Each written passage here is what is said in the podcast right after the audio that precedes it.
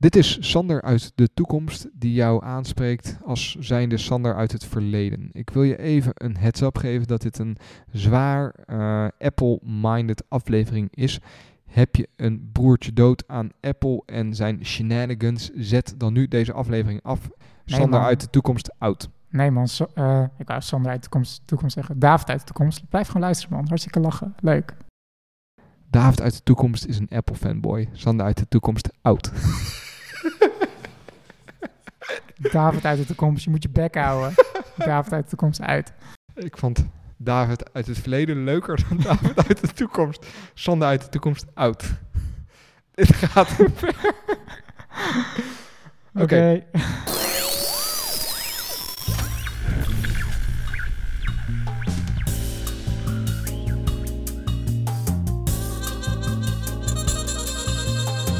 De Zeepkast. Opgenomen zondag 28 juni 2020. Welkom allemaal bij aflevering 68 van De Zeepkast. Jouw bron voor al je science, technology en popculture. Tegenover mij zit David. En tegenover mij zit Zonder. Hoe gaat het? Ik denk, ik zeg het heel snel voordat je zegt dat ik het niet mag zeggen, zoals vorige aflevering. Het gaat uh, geweldig goed. Ik ben heel blij. Ik ja. zie wel waarom. Ja, maar hoe gaat het met jou, Sander? Met mij gaat het ook goed. Ik, uh, nou ja, zoals onze vaste luisteraars weten, zit ik nog steeds in een verbouwing. Um, sinds vorige aflevering zijn we de milestone voorbij dat ik een jaar de sleutels heb van mijn nieuwe huis. dus... Uh, Zo had het cliché van, uh, ja, ik ga in twee maanden verbouwen. 12 months later. Precies, ik dacht echt wel dat ik het veel sneller zou doen. Maar goed, uh, er begint wel een eind, eind aan te komen nu. Ja, lekker dat, uh, dat is toch wel prettig. Lekker. Dus we zijn nu aan het, uh, aan het behangen met Renovliesbehang. Dat is een soort behang dat lijkt op stuk. Jij bent straks een echte bouwvakker. Jij weet er straks van. Nou, ik merk dat ik over alles heel lang moet nadenken. Als ik alles helemaal heb uitgedacht, dan ga ik beginnen en dan ben ik constant op zoek naar een slimmere manier. En ja. af en toe is het ook gewoon beunen. Ja, het, misschien het kan vast slimmer, maar als je daar eerst twee uur over na gaat denken, dan had je het er al in kunnen hebben. Zeg maar. Ja, precies. Dat, je moet het gewoon doen en durven of zo. En, dus de goede, uh, en de goede spullen hebben. Ja, ja eh, dus die, uh, die, die, heb, die heb, ik ondertussen ja. allemaal. ja, ja, mooi, mooi. Dus dat, uh, dat gaat lekker. Ja, ja mooi. En moeten we ook onze Patreons weer gaan bedanken? lieve, lieve Patreons. Ja, we lachen. Um, omdat we werden er op Slack op gewezen door uh, Randal van Met Nerds om tafel. Zoals het een echte nerd betaamt dat het niet Patreons is, maar patrons. Patrons, ja. Patrons. Ja, klopt. Um, Hij heeft gelijk. Dankjewel, ja. Randal. Hartstikke fijn. Top. Lieve dus, Patreons. Bedankt, Patreons. Love it. Ja, dat, uh, bij ons heet dat gewoon zo. Dus, uh, bij deze. Dank jullie wel voor jullie, uh, jullie steun. Jullie helpen ons een beetje. Om en dit, alle andere luisteraars ook bedankt voor jullie maken. steun. Ja, ik zei het net al even, hè, dat jij een happy, happy camper bent. Oké, okay, dat klinkt heel fout. Oké, okay, top. Wat heb je voor je neus staan nu, David? Dit wordt de eerste aflevering die we op een iPad Pro aan het opnemen zijn. Ja, je had ook helemaal niks gezegd. Hè? Een beetje als verrassing. Nee, ik vond het wel leuk eigenlijk. Trek je dat ding ineens uit je ja. tas. Uh.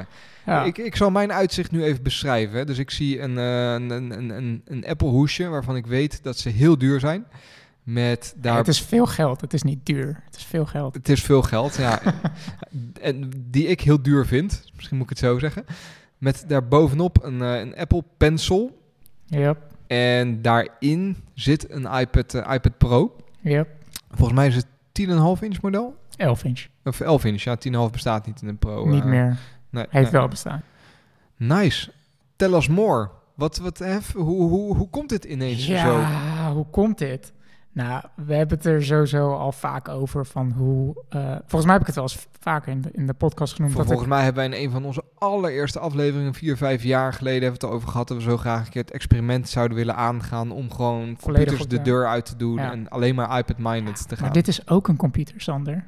Dit is de computer van de toekomst. PC's, zo moet PC, personal computer. Ja, deze is nog meer personal. Ja, ja. Nee, e maar... EPC is dit. Extra Personal Computer. Wauw, deze coinen we hier gewoon even. Ja. Nee, maar uh, we hebben het er heel vaak over gehad van uh, um, volledig overstappen op uh, iPad OS. Ja, dat was meer een soort van romantisch beeld, maar je moet het ook soort van eh, Nou, ervaren. en Apple weet weet het ook ook heel wel- goed te verkopen. Ik weet ook wel, en dat is wel grappig, want we hebben het wel daar vaker over gehad in de context van intuïtiviteit.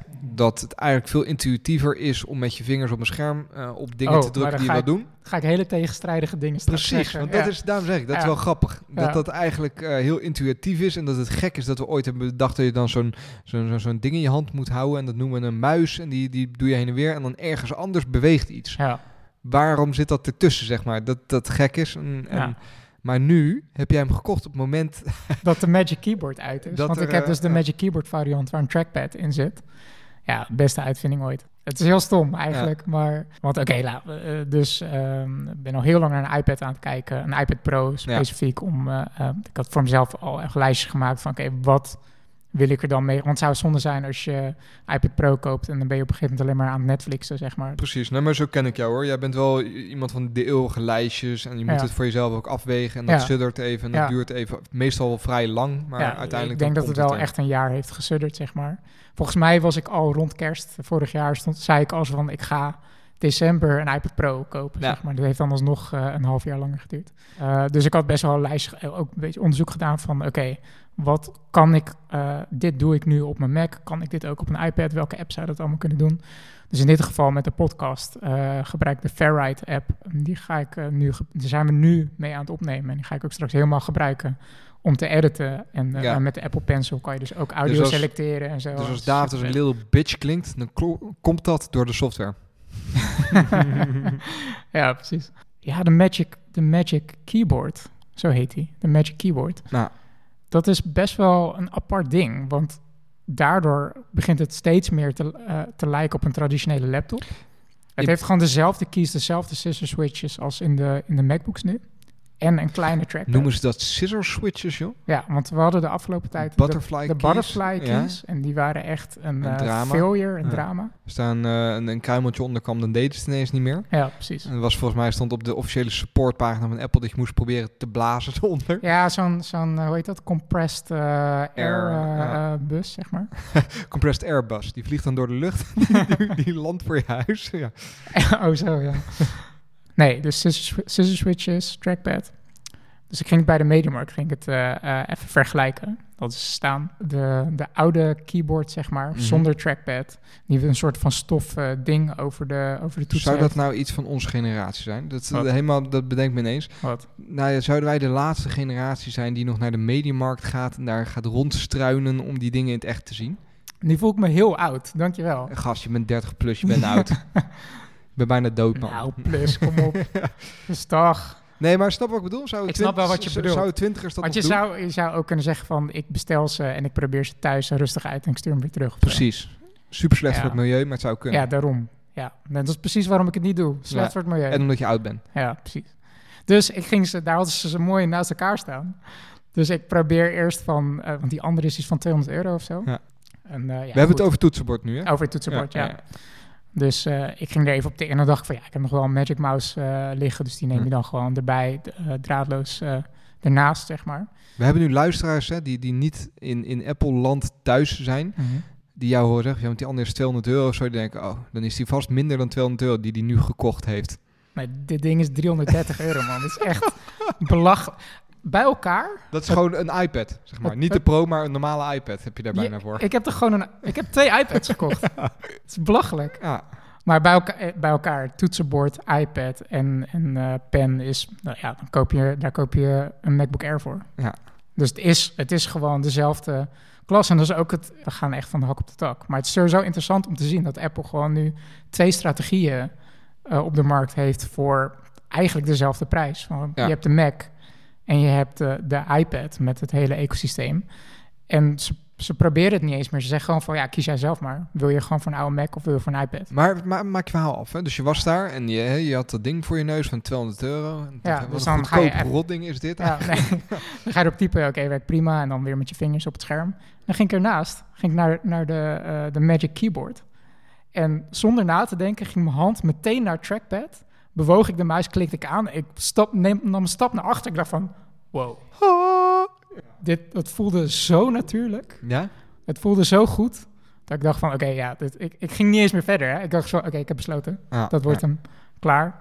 Maar het is best oprecht heel knap hoe ze de muis hebben geïmplementeerd op, op iPadOS. Want zelfs de, de muis, als je hem beweegt, het is best een klein, klein trackpadje. Ja. Eh, als je hem beweegt, heeft hij nog een soort van kleine inertia daarna. Dus zeg maar Wat op, bedoel je? Inertia? dat inertia, dat, ja, hoe zeg je dat in het Nederlands? Dat het nog een soort van nabeweegt als je het Ja. loslaat. Zeg maar. Ik Alsof- weet ook niet wat het Nederlandse woord ja, is. maar alsof het echt een fysiek object heeft, eh, object is, wat uit zichzelf met een soort remweg nog een klein beetje tot stilstand komt, zeg maar. Niet Ja, precies. als eh, keihard digitaal eh, aan, uit op de Mac of Windows for that matter. Dat je je muis beweegt en je laat je muis los en hij stopt met in één keer. Wat eigenlijk dus heel onnatuurlijk is als je, het, als je naar de echte natuurlijke Mhm. wereld kijkt, zeg maar. Dit is veel, dat ademt veel meer. En als je dan naar eh, de muis naar een, een app-icoon beweegt, bijvoorbeeld, lijkt het echt alsof die erin gezogen wordt of zo. En, en de app-icoon wordt iets groter. En dan trek je hem er weer uit. Het is zo weird zit allemaal. Auto-aim zit erin, zeg Ja, maar. maar het is, het, het, dat hebben ze zo goed afgesteld. Dat is echt bizar. Het voelt echt heel goed. En ik, het zou waarschijnlijk ook de reden... eh, ze zullen het waarschijnlijk ook gedaan hebben... omdat het zo'n kleine trackpad is. En een redelijk klein scherm. Maar het is echt geweldig uitgevoerd. Ja, Wat, wat ik misschien bij moet zeggen... Ik heb mijn eh, MacBook Pro nog steeds. Maar het is de 2017 MacBook Pro. mhm. En die blaast echt continu. Dat ding wordt heet. Ik zet één YouTube-film Butterfly keys. ja, daar heb ik dan gelukkig nog het minste last van. Nog niet. Ik ben gewoon, ik, ik eet niet achter mijn bureau. Nee, precies. en je zet alleen maar een YouTube-filmpje aan en het is echt alsof er een, eh, een eh, vliegtuig opstijgt. Een Ja, Airbus. Ja, een Airbus. Ja, ik wou de grap niet maken, maar jij maakte hem. Maar voor een zo'n laptop die nog relatief jong is, ja, ik was er echt... Het, het is gewoon niet zen, zeg maar. Het is echt... Je bent echt met een computer bezig. Ja. En ik heb nu deze iPad Pro nu een weekendje. Mhm. al, ja, nou, ben ik vooral bezig geweest met eh, apps installeren, een game spelen, de Fairride een beetje leren kennen, de podcast-app die we nu gebruiken, Ehm, show notes in elkaar tikken, eh, veel lezen erop. En het is veel meer zen, zeg maar. Alles vloeit zo. Het kost je minder moeite om mee te werken. Er is heel weinig frictie Ja. met, het- met het werken. Alle Face ID alleen al. Ik sla hem open, ik zit erin, ik ga naar een website, eh, vul je wachtwoord in, ik tik het aan, mijn gezicht wordt gescand en ik zit erin. Het is zo. Dit is, dit is, hoe, dit ja. is hoe een computer hoort te zijn, zeg maar. Het hoort, het hoort niet in de weg te zitten van. Het klinkt zo marketing speak, zeg maar. Maar het is gewoon oprecht wat ik nu ervaar met dit Hoe, hoe je het nu hebt, ja. Dat Ja. heb jij, bedoel, jij hebt best wel wat Macs gehad. En, en zijn er apparaten waarbij je dat, dit, dit gevoel eerder hebt gehad, hè? Dat je kunt heugen, dat je het een weekend had en dat je er helemaal weg van was? Ja, natuurlijk, natuurlijk wel. Absoluut. Dit is wel weer een nieuw niveau daarvan. Dat ik denk van... oké, natuurlijk zijn er nog bepaalde paradigms je- waar je nog mee moet oefenen. Ja. Bijvoorbeeld splitscreen en eh, eh, slide over. Dat je nog een soort van iPhone-versie van de app eh, tot je beschikking hebt. Wat echt super handig is voor bijvoorbeeld Spotify. Het, het iPadOS is, nog, is inmiddels best ingewikkeld geworden, zeg maar. Qua wat je er allemaal mee kan. Ik, eh, ik, ik, ik, ik weet het. Ik heb nog een iPad en ik kom wel eens achter features. En dan, dan, dan, sleep ik ineens mijn scherm en dan heb ik inderdaad een splitscreen. En denk ik, oh ja, dat zat er ook in. Ja, ja, maar er zitten best wel veel gestures in. Tot het punt dat ik gewoon, in het voelde me ook, ook weer oud, dat ik naar de YouTube-channel van Apple ging om video's te kijken, dat ze uitleggen hoe, je, hoe, hoe de iPad werkt. Ja, het, het heeft een tijdje, hebben gestures wel een beetje in eh, de, de setup-procedure gezeten, geloof ik. Hè? Maar dat zit er helemaal niet in nu. Maar het zijn er ook zoveel inmiddels. Kun je ze in je settings ook terugvinden? Ik heb Ik niet, echt voorbeelden. overzichtslijst Nee. van, eh, van gestures hebt. Want het zijn er echt een hoop. Ik kan me wel voorstellen dat het wel lekker is. Nee, en ik ben het gewoon nog een beetje aan het ontdekken qua apps. Eh, ik denk dat als we dan even naar de negatieve gaan, eh, Logic, dat zal voorlopig nog niet werken. Meer nerdy dingen als Python en webscrapers maken en dat Ja. soort dingen, dat, dat zal ook voorlopig nog niet werken. Trouwens, Python, Python kan wel. Je hebt Python interpreters en je hebt eh Jupyter Notebook en dat soort dingen. Die apps zijn er wel. maar maar niet, je- maar niet in de volledige... Het is een meer light... eh, Precies, daar moet je moeite voor doen. En dat, Ja. dat, dat is hem gewoon nog niet. eh. Maar je denkt wel, hè, de apparaat is een huidige vorm. Voor 90% van vooral kantoorminnend of kantoorwerk Ja. werkend Nederland is dit een betere oplossing dan de laptop die ze nu voor zich, voor zich hebben. Naar mijn mening wel. Ja, ja precies. dat- en dat- en dat is- disclaimer. Ja, en dat is best wel interessant, want dat is dan misschien gaan we dan richting het hoofdonderwerp, denk ik. Dat je iPad OS en, de, en ook de hardware, die combinatie van de hardware, de iPad zelf, de chips die erin Mhm. zitten en de software die erop draait, dat is zo nu doorontwikkeld. Zeg maar, eerst was het een soort van, toen de iPad er net kwam, was het een, een apparaat voor erbij. Ja. Maar nu is het gewoon zo'n serieus volwassen. Een multimedia apparaat waarin je Ja. lekker eh, filmpjes keek en je foto's terugkeek. En, Ja. ja. Maar het begint zo volwassen te worden, zeg maar, dat het eh, echt wel concurreert met, met Mac aan zich voor heel veel mensen, denk ik. Ja, Eh, toch, en, toch. En voor mij kan het nog niet 100%. Ik moet er, moet er gewoon een Mac nog bij hebben. Maar het gaat, dit wordt mijn hoofdmachine. Nou, het, het is denk ik ook gewoon een kwestie van de stap durven nemen. Dat je op een gegeven moment moet je eh, het gewoon gaan doen. Moet je even tijd stoppen in het omschakelen van, eh, van, wat je gewend bent naar iets nieuws. Ik weet, weet Reinier van Abs Peren Show, die draait volgens mij al, al ontzettend lang op iPad only. Hè? Of iPad only als, als, als main device. Dus het is, Ja. het is, het is een, een sprong in het diepe. Wat wel lastig is met, met wat, waarom iPad ook zo vloeiend is, en iPad OS, is natuurlijk ook door, omdat Apple het meer dichttimmert, hè, dat alle apps sandbox zijn en Ja. zo. Dus dat, dat is dus een nadeel wanneer je toch net wat meer wil gaan doen. Wat ik me Eh, afvraag, hè, heb jij W- eh, ex, expres bewust WWDC afgewacht voordat je een iPad ging kopen? En wat je daar gezien hebt, heeft dat jou nog beïnvloed? Of was je er eigenlijk al wel uit? Nou, het antwoord is ja, ik heb specifiek gewacht. En nee, het heeft me niet beïnvloed. Want ik zei van, ik dacht van, van tevoren van ja, ik hoopte dat ze bij eh WWDC ehm Dub, be- dub. dub, dub, beter, eh, betere external monitor support zouden aankondigen voor de iPad. Want je kan hem wel op een eh, externe monitor aansluiten, maar dan heb je nog steeds van die zwarte balken aan de zijkant. Nou, hij Het is nog schaalt nog niet, hè? het is nog steeds een soort van 4x3 eh, scherm. En daar heb, heb ik nog niks van gezien dat ze daar wat mee gedaan hebben. Wat wel heel logisch zou zijn. Als volgende stap, zeg maar. Tuurlijk. Ja. Want dat, dat is... Het is nu een 11 inch. En het kan net, heb ik, heb ik het idee voor mij. Maar ik voel me wel een soort van hipster achter een klein bureau met, met een kleine cactus ernaast, zeg precies. maar. Met van je een soort van café heel- latte Ja, of precies, eh, ja. je, je mochaccino Ja, naast je. En, eh, ja, Ja, ja. exact. En dat is niet altijd ideaal, maar voor nu. Ja, misschien de laatste, de laatste ik nog over wil zeggen, wat ook echt een mindfuck was. Ik heb gisteren een teken-app gedownload. Die heet, ik zoek hem even op. Oh, die heet Sketches, originele naam. Die simuleert dus gewoon het geluid van een potlood op papier Oh, wat als je fijn. tekent. Wat fijn. En met die belachelijk kleine latency van de Apple Pencil met dat geluid erbij. Ah. Je moet het straks maar naar de, de aflevering even zen, proberen. het, is, ja, het, het is, we leven in de toekomst. Ik vind het helemaal geweldig. I love it.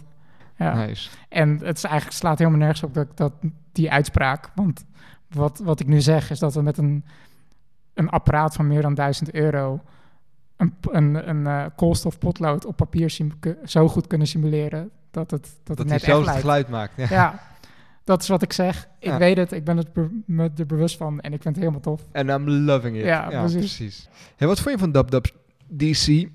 Ja, de eerste die eh, helemaal wel zonder gek, man. publiek en zo. Ja. Het is altijd mijn, mijn favoriete event van het jaar. WWDC. Ik, nou, dat hebben we vaker over gehad. maar Ik ben een beetje keynote moe. Hè. Ik, ik ben een Ja. beetje... eh, Ik, ik- Het is een, echt zo'n vaste formule geworden. Ja. precies. En ik vind WWDC vind ik altijd nog wel... Ja, ik weet niet. Dat, dat, daar gaat mijn, mijn, mijn nerdy hart nog wel sneller van kloppen of zo. Dat is echt, echt voor de ontwikkelaars. Wel, naar mijn idee, steeds iets minder. Meer voor de pers toch? Want je hebt na die keynote die we met z'n allen kijken, ja. heb je de State of the Union die Ja. veel meer de diepte ingaat voor de echte programmeurs. Ja, En daarna heb je nog een aantal dagen daarna met allerlei eh, sessies voor programmeurs. Maar dat, dat is mijn favoriete evenement altijd. Ik vind ook dat daar het meest interessants aangekondigd wordt. Want software, ja, hardware is leuk, maar het gaat uiteindelijk om software. Dat is wat je itereert en wat je over, over hè, Ja, ziet verbeteren over vijf jaar. De, de iPhone 8 is over vijf jaar, is er niet meer. Dus ja, Mhm. goed, who cares. Dus ik, ik was wel blij, maar het was wel gek, hè? Weet je hoe het voor mij voelde? Alsof we de afgelopen tien jaar, zeg maar, de hele tijd Friends en dat soort sitcoms aan het kijken waren met van die, lach, van die lach, lachtracks. Ja. En dat we nu een soort mensen die van- allemaal dood zijn ondertussen. dat is echt oh, zo, ja, ja, inderdaad. Wow. Ik dacht heel even van, hè? Nee, nee, Maar- nee, nee, nee, nee. Dat is echt... Maar David Schwimmer en zo, die leven allemaal Ja, toch? dat- eh, dat- die heb lach- gemist? Ja, nee, nee, precies. Maar die lachbandjes, eh, daar had ik Ja, het over. ja, mensen precies, ja. die zijn over het algemeen eh, niet meer onder ons. Goed, sorry. Ja. Sidetrack. nee, nee, nee. Ik moest daar ineens... eh, er is zo'n instrument, dat heet een Mellotron. Dat is een van de eerste keyboards. Die werkt echt met een soort cassettetape, noem ik het maar even, per toets. Ja, dat hij een sample afspeelt, zeg maar. Dus dan heb je ook de Mellotron core, zeg maar, wat echt een soort van heel eerie kli- klinkt eigenlijk, maar eh, de. Beatles en zo, die hebben ook allemaal heel, heel veel gebruikt. En dat zijn ook allemaal dode, eigenlijk allemaal mensen die Ja. allemaal niet meer leven, zeg maar. Ja, precies. Dat, is, dat, dat noem je dan de zombie choir, zeg maar. Ja. ja, omdat het allemaal zombies zijn. Ja. Ja. Eh, Wauw, sidetrack. Maar ja, dus het voelde heel erg alsof we de afgelopen jaren naar eh, van die love track Opnames. series eh, keken. En dat we nu even een wat modernere serie keken zonder love track. En dat vond ik mega verfrissend. ik vond het ook Toen ik dat zag, dacht ik echt van... Toen besefte ik me pas hoe, ik, hoe erg ik me irriteer aan dat applaus continu. En dat... eh, Ja, ik, ik wou, het precies het woord hoe ik het ook wou beschrijven. Verfrissend. Mis wel, misschien een beetje de, de, de, de- foutjes erin. En de, het, wordt wel... Kijk, het is Apple, minder gevaarlijk, hè? Van als Apple, een eh, demo gaan precies. doen, ja, dan... eh, Apple is altijd ja. al best wel perfect. En daarom is het heel fijn als ze een keer een foutje maken ergens. En dan kan je al met z'n allen hard om lachen. Ik. Een app Ja. doet het een keer niet on stage. En nou, je hebt hele filmpjes op YouTube vol van de, de, de, de flaters tijdens keynote, zeg maar. Ja, ik zat van, toevallig van de week nog een video van Steve Jobs te kijken. Dat hij een camera niet aankreeg. En dat, het, dat hij dan heel boos naar zijn assistent gooide en zo. Ja, precies. Maar dat is, dat is zo lekker, omdat Apple over het algemeen best wel een, een, een bedrijf is dat, dat redelijk flawless is, zeg maar. En dan is het heel fijn om te zien dat ze ook... Maar dat is er nu helemaal uit. Ja, Het is nu wel echt heel erg gelikt. Eh, ik vond dat ze het wel goed deden. Ik vond de filmpjes wel af en toe heel wit. Niet de acteurs, maar gewoon zeg maar, achtergronden en zo. Snap je wat ik bedoel? Oh, ja. Gewoon Ja. super light, alsof het een soort van... Ja, maar dat is Als toch je- Apple? Als je is- Heaven, als, als Heaven in, in, in series of zo wordt afgebeeld, dan wordt het altijd als zo'n perfect lichte Ja. omgeving. En dat, dat maar dat, is, dat ook. is Apple toch? En nu definieer je gewoon... eh, heb je wel eens een film van Johnny Ive gezien? Precies. Ik bedoel...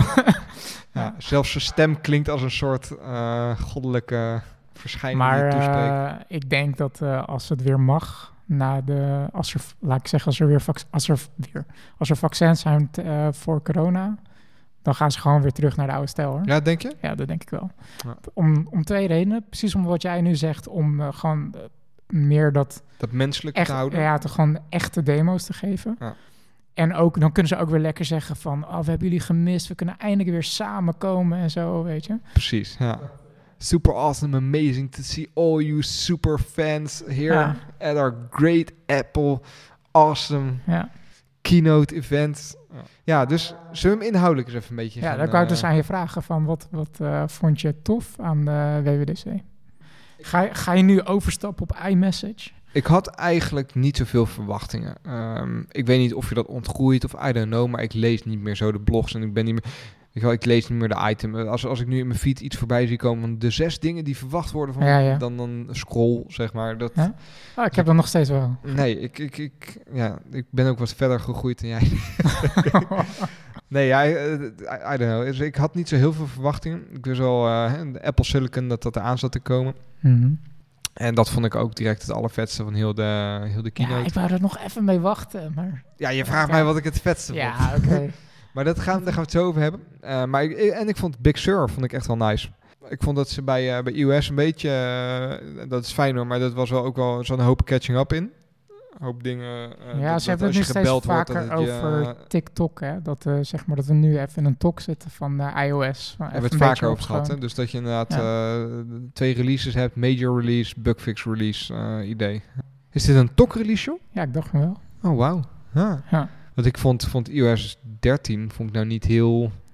We raken zo snel aan dingen gewend, joh, Sander. Ik zag één feature en ik heb nog... Ik speel al lang niet meer met beta's en zo, maar die vond ik echt heel nice. En dat is dat je tegenwoordig een gesture in eh, Ja. iOS hebt. Ja, ja, dat je op de achterkant van je iPhone kunt tappen. En dat je kunt instellen wat hij daarmee doet. Wat ga jij op, op de backtab zetten? Ik vind dat echt zo nice. Ik, ja, maar wat, wat wil je ermee doen? ik, ik, ik voel het gewoon als ik mijn iPhone vast heb. Dan voel ik gewoon dat ik zeg maar met mijn wijsvinger zo op de Ja. achterkant wil tappen. Dat dat En heel bel- fijn is om te doen om dingen te, te starten, zeg maar. ja, en dan bel je je mama. Precies, bijvoorbeeld, ja. Dan, nee, dan, dan start mijn wekker over zes minuten. Ik- dat is eigenlijk praktisch het enige dat ik nog met Siri heel vaak doe, is wekkertjes zetten. Maar nee, dus dat vond ik een heel fijne feature. Eh, en ja, de nieuwe indeling. Ik weet nog niet zo goed wat ik ervan moet vinden met widgets en eh, Ja, App drawers heet het, he- geloof ik. Mijn Dat je- hele homescreen gaan herbedenken. ja. Ik vind het ook cool op zich. Ik Ja, ik ook. Het is, het is weer eens even wat nieuws. En eh, Ja, goed. Nou, we hadden altijd al widgets in de... Heb je ooit de, de Apple Stocks widget in je... In je, in Nee, je- nee, nee. nee, toch? Nee. Ik vond iMessage, dat zijn allemaal features die ze, waarvan je denkt van wat ze al lang moeten hebben. Maar ja. Dat doen ze wel weer- ook hebben. maar ook wel weer echt net op die Apple gelikte manier. Dat gewoon Ge- net, geef eens een voorbeeld dan.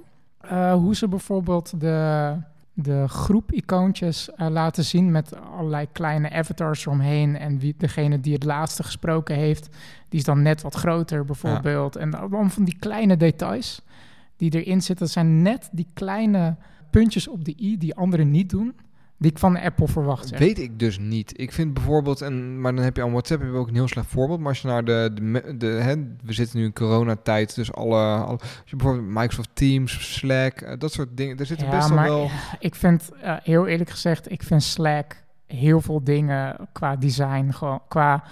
Dan heb ik het design niet over hoe het er eh, esthetisch eruit ziet, maar over hoe het bedacht is, hoe je ermee werkt en wat het Ja. communiceert met je. Mhm. Heb ik ook zoiets van, ah, het is echt weer door nerds ontworpen, zeg maar. En ik vind Teams heel handig en ik gebruik Ja. het heel veel, maar het is echt een win, het is echt een Microsoft product. Ja, precies. Ik vind Weet Teams wel... En, dat, en da, da- daar doet Apple altijd net dat dingetje waarvan ik denk van ja, dat is net als met, mijn- met mijn iPad, zeg maar, dat, het- dat irrationele designstuk wat het elegant Ja, en precies. zen maakt voor je, mij. je maar. kunt je vinger er niet op leggen, maar Ja. het voelt gewoon fijn om te ja, net, gebruiken. net als dat ik mijn muis beweeg op mijn iPad en hij, ik laat hem los en hij schrijft net een stukje door. Ja. Dan, dat zijn die momenten dat ik denk van dit, dit ja, nice. Ja, precies. Weet je? Ja. En, dat en dat heb ik met Teams niet, met Slack niet. Nee, en daar als heb ik je wel een punt. dan ja. bijvoorbeeld met, als ik dan kijk hoe ze dan iMessenger aanpakken, denk ik van...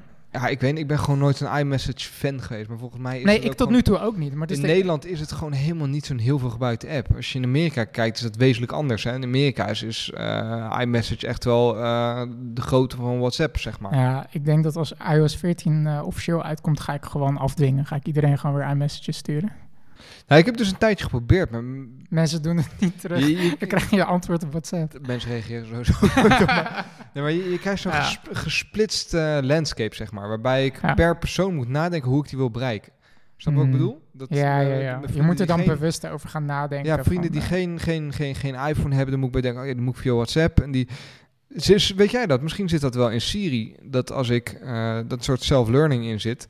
Maar ik moet nu constant zeggen eh, van, ik ga het niet heel hard zeggen, want het gaan overal... Nee, tegenwoordig is hij best goed in het herkennen met stemmen. stuur een WhatsApp bericht aan Ja. die en die, in plaats van stuur een bericht aan. Dus ik moet echt specifiek benoemen dat ik het met WhatsApp wil versturen. Zelfs met muziek. Als Mhm. ik zeg, speel dat nummer, nou, ik gaat weet... hij altijd mijn fucking Apple Music proberen. Waar ik geen Ja, maar dat is weer een aparte discussie. Want dat is nu ook nieuw in iOS 14. Dat is nu langzaam... Daar zijn ze al een aantal jaar mee bezig om het steeds meer third-party vriendelijk te maken. Vanaf iOS 14 kan je nu ook een default browser en e-mail client eh, instellen.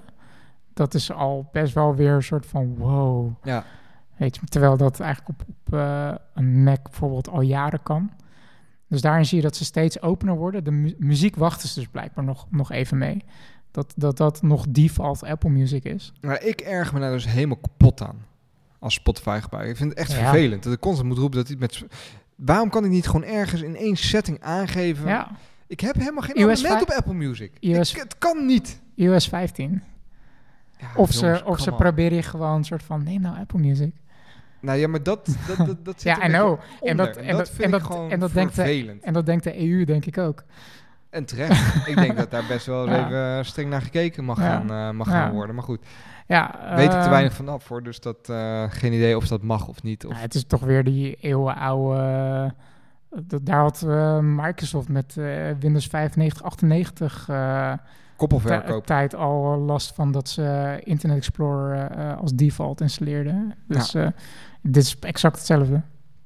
Ja, voor Eh. mij doet je, doet je eh, eventuele monopoliepositie doet daar ook nog iets in. Maar goed, weet ik niet. Weet ik te Mhm. weinig van af. Kunnen we een keer iemand voor uitnodigen hoor. Om daar ons, eh, dat is misschien wel leuk. Ja. Weet je daar veel van af? En zit je in ons Slack geef een gil. Halen at je boy. Wauw. Ik weet ook niet waar die ik, vandaan ik, kwam. zet hier, ik zet hier een bookmark. Want dat kan ik nu met Fairride. nice. Wat vond jij het leukste aan de kino? Ehm, ik keek echt de hele keynote alleen maar uit naar de, de chiptransitie. Ja. Ehm, Hè, vind ik zo jammer dat je dat nou weer Ja. spoilt. Ik had echt gehoopt dat we die nog even konden bewaren. ja, nee, verder vond ik, ja, ik vond het eigenlijk allemaal wel leuk, maar niet zo interessant. Eh, Ja, ik vond, ik nou vond nooit- iPad OS vond ik nog het meeste tegenvallen zelfs. Ja? Ja, daar hebben ze heel weinig van. eh laten. Ze hebben niet eens laten zien dat je eh, widgets ook op de desktop. Volgens mij kan dat niet eens op, ik de, werd op heel... iPad ehm, ik werd wel blij van de AirPods. AirPods Pro, dat die nu die spatial awareness hebben. Oh ja, dat wauw, dat ik echt nice. Met Dolby cool. Atmos. Ja. Ook hoe het gedaan is. Hè? Dat als je in de bus zit... En dus, nee, je kan Dolby Atmos. Dus als jij naar je Het telefoon is niet alleen kijkt, Dolby Atmos trouwens, ook Nee. 5 5.1 en 7.1 Precies. audio. Ja. Maar je kijkt naar je, naar je iPhone of naar je iPad, je bent een filmpje aan het kijken en je hebt je AirPods Pro in en je kijkt naar links, dan hoor je zeg maar de stemmen ook meevormen, alsof je echt in de film naar links zou kijken. Hm. En dat hebben ze zo gemaakt dat dat gaat dus de relatie tussen je AirPods en je iPad. Zodat als je in Ja. de bus zit en je gaat een hoek om, dat hij dat niet doet. ja. Dat, dat zijn van die kleine dingen, daar word ik echt heel blij van. ja, dat is wel heel cool gedaan. Dus dat, eh, dat was voor mij wel echt een van de, van de Ja. eh, showstelers. Ja. Eh, Handen wassen. Dat je eh, je Apple Watch nu... Van die kleine dingetjes, hoor. daar word ik ook wel gelukkig van. Ja, er is een heel machine learning eh, model achter gebouwd. Weet je om, te moeilijk detect- het om is? te detecteren dat je... ja, Ik zit ik zeg het wel semi-sarcastisch. altijd als ik mijn handen aan het wassen ben, ben ik aan het meetellen in mijn hoofd dat ik wel lang genoeg mijn handen aan het wassen Ja, ben. echt? Ben je- Ja, serieus. Ja, ja, ja. Oh, wauw. Nee, dat doe ik niet. Nee, Ik dan was jij waarschijnlijk altijd je tekort je handen. Ja. Volgens de COVID-19. St- Still I'm here, bitch. I'm alive. Nee, oh, dat is Nee, voor slecht. mij is dat het hele zeg, nee. COVID-19 sowieso een hoax om ons allemaal in te krijgen. eh, Dus, is, eh, eh, 5G, hè? ja, het is weer een hier? avondopname, jongens. Oh god. Oh, oh, man, man. We hebben het al een keer over gehad trouwens. Laat, Let's not go there. Ja. ja, Eh, ja we- eh, oké, laten we het er gewoon over hebben. Want die chiptransitie die overschaduwt eigenlijk gewoon alles. Ja, Dat is daar echt moeten we het gewoon over hebben. Dat, want monumentaal. precies. Dus nu twee keer eerder gebeurd, hè? Dat ze een move hebben Ehm, gedaan? Ja, even denken. Want het was vanuit de allereerste chips gingen ze naar eh, PowerPC. Motorola. Ja. Toen Motorola nog een eh, serieus merk was. en eh, op een gegeven moment gingen ze begin... Wanneer was dat nou? Toen 2005 dacht ik, zoiets. Toen had ik mijn eerste Mac was een, was een Mac Mini G4. Ja. En toen weet ik nog dat er echt eh, eh, eh, een jaar lang geruchten waren dat, dat ze naar Intel over zouden gaan stappen. En de implicatie dat je dan ook veel makkelijker Intel software en misschien wel games geport konden worden naar de Mac. Dus dat was de tweede trans- tran- transitie naar Ik, ik Intel. googelde het gewoon gelijk even. Ja. Van PowerPC naar Intel. Volgens mij was het 2005, zoiets. Ja, In 94 zijn ze, van, eh, zijn ze naar PowerPC gegaan. En, oh nee, 2009. hm. ja, ze hebben al meer dan tien jaar zit er, zit er, eh, is er Intel inside. Nee, wacht. 2006 zijn ze, zijn ze geswitcht inderdaad. En het laatste OS, dat nog ondersteunde was Snow Leopard in 2009. Dus Hm. die support nog PowerPC software. Ja, Snow Leopard was de laatste. Precies. Ja, dus ja, in tweede- dus eh, redelijk Ja. 2005 zat ik redelijk in de buurt. 2006 was het. Ja, ja, top. Ja, en App- Apple Marketing Speak die heeft het over ook nog de transitie van macOS 9 naar eh macOS 10. Ja. Dit ziet er heel grappig uit. Mijn microfoon werkt niet mee. Sans microfoon die beweegt steeds. Die draait de hele tijd weg die van denkt van je, lult Ik steek zo uit mijn bek dat zelfs mijn microfoon niet wil luisteren. Nee, nee maar eh, eh, in, Apple zelf die spreekt vaak over, oké, eh, naar PowerPC, naar Intel, maar ook de transitie van macOS 9 naar macOS 10. Ja. Wat macOS 10 was eigenlijk gewoon next step van Steve Jobs, wat ze toen hadden overkocht. Ze hebben nog heel lang geprobeerd om het Mac OS 10 te eh, laten heten. Hè? Maar het, het- in de volksmond werd het heel erg Mac OS X. Dat is op een ja, gegeven moment oh ja, maar, daar is ook een hele eh, discussie ja. over. Hè? Ja. Ja. Volgens mij... eh, Maar Apple zegt, volgens- heeft altijd macOS 10 gezegd. Ja, mij. is dat ja. zo? Oké. Ja.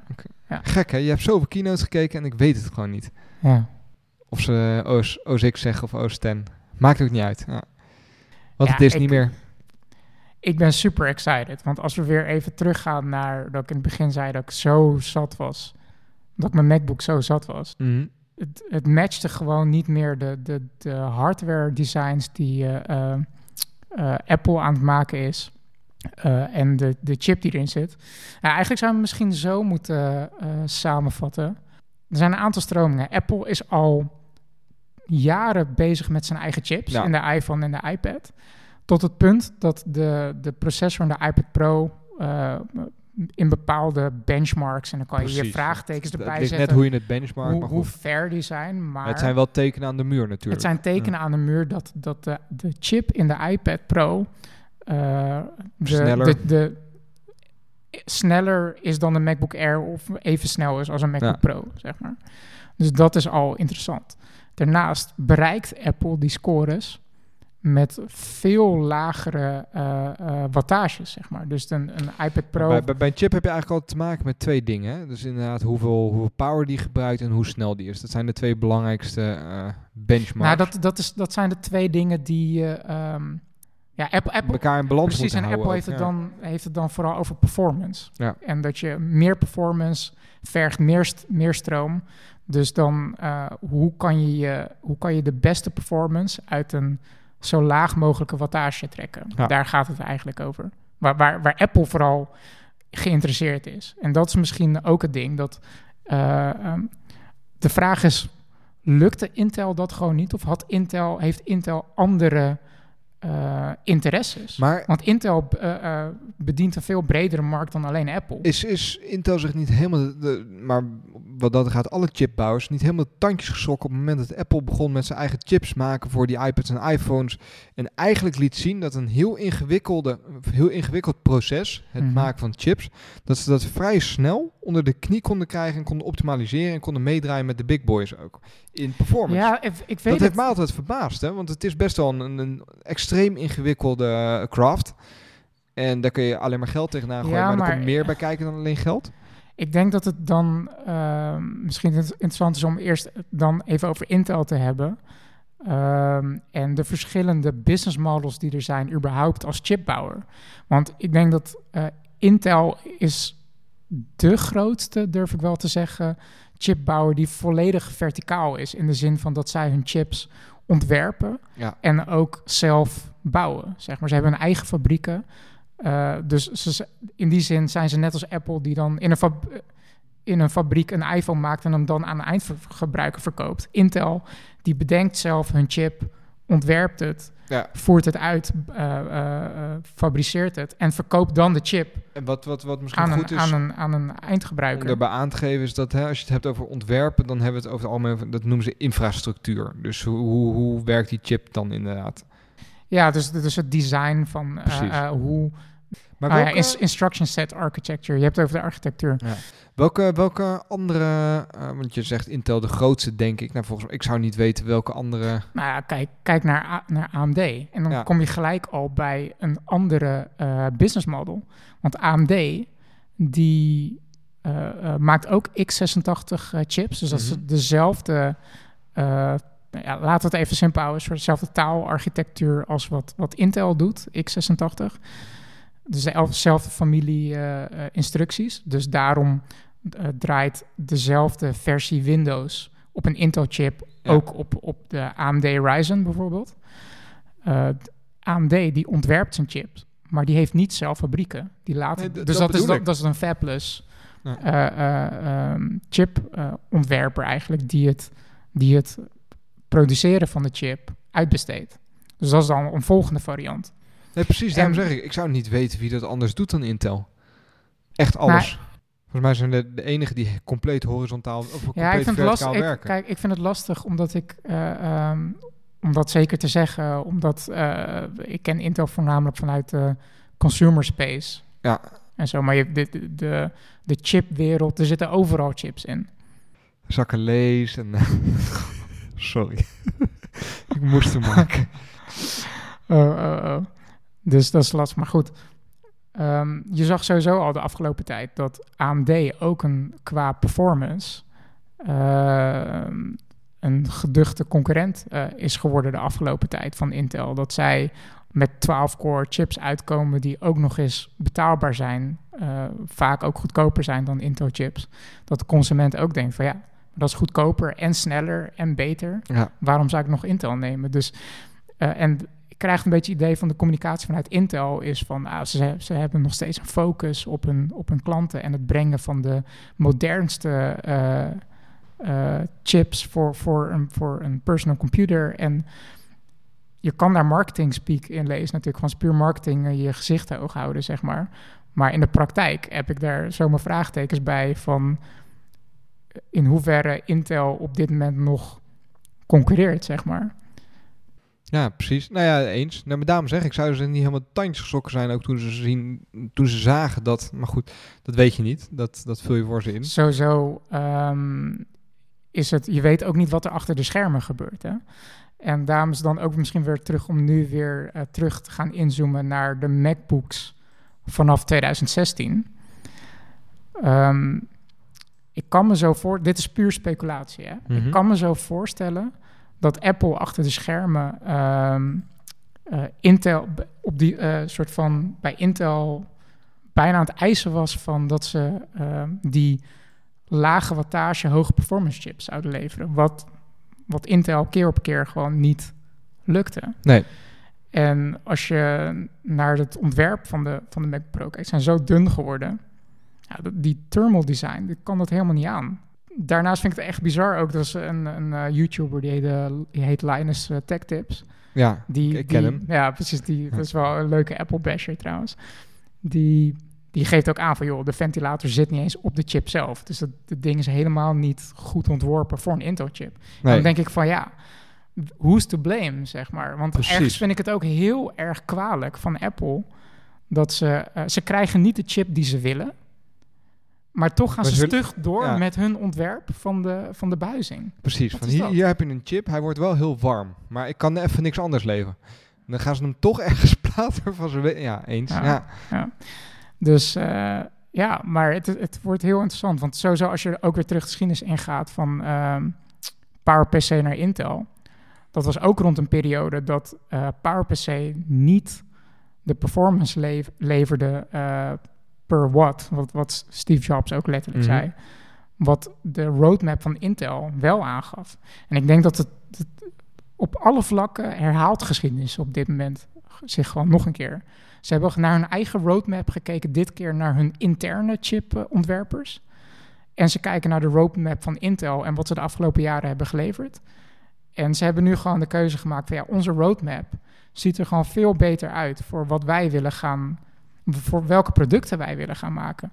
En de producten die ze willen gaan maken zijn gewoon hele dunne laptops die dus een, uh, een chip uh, uh, nodig hebben die niet te heet wordt. Zie, zie jij nog dat dit, hè, want daar maak ik me dan enigszins zorgen over. Als je de, de Mac Pro, die heeft Ja. heel lang stilgestaan. Eindelijk heeft hij dan een, Ja. een update gegeven waarbij die echt weer serieus genomen. De, de, de cheese grader. Ja, ja, ja. Ehm, maar goed, dat is wel een, een craft aan zich, hè? Om dan echt, echt heel, heel snelle cores, waarbij ja dat, dat, weet je dus niet. Je weet de niet wat... performance per watt is minder belangrijk in een Mac Pro. Daar is gewoon performance, punt. Ja. En hoeveel watt... Ja, Kijk, ik kan me haast niet voorstellen dat Apple twee, drie jaar heeft gedaan over het ontwerp van de nieuwe Mac Pro. En dan niet erover heeft nagedacht dat ze ook uh, zouden switchen naar hun eigen chips. En daarnaast weet je ook niet wat, hoe, hoe Kijk, Apple weet het. En die is er eigen, geeft eigenlijk gewoon aan van binnen twee jaar Ja. zijn we over. Dit, gaat, dit, dit Ja. gaat twee jaar duren. Over twee jaar Dat, is dat idee kreeg ik wel heel erg hoor. Als, als Ja. we hè, even doorgaan. Dus ze hebben die, die, die keuze gemaakt. Ze gaan over. En ik kreeg wel heel erg het idee van... Don't worry guys, we got this. We hebben overal over nagedacht. Ik hoor je denken. Ze, ze, ik, letterlijk zag ik eh, dat, idee kregen. Of zo naar me gewezen werd. Ik hoor je denken. Hoe gaan we dat nu doen met, eh, hè? met de met, met, die overgang? En met, eh, nou, don't worry. Rosetta Stone 2. Twee. Ja, maar dat, kijk, dat is dus het ding. Ze hebben zichzelf al bewezen dat ze het kunnen. Ze zijn er rete goed in. En ik wil, er waren ja, wat eh, rumors van hoe gaan ze dat nou doen? Gaan, gaan ze em- e- weer emulaties doen? Nee, ze gaan het gewoon precies hetzelfde doen zoals ze het elf jaar geleden met de PowerPC naar Intel ook Ja. deden. Alleen het gaat nu nog strakker worden dan toen. Want ik heb die transitieperiode toen ook meegemaakt. Mhm.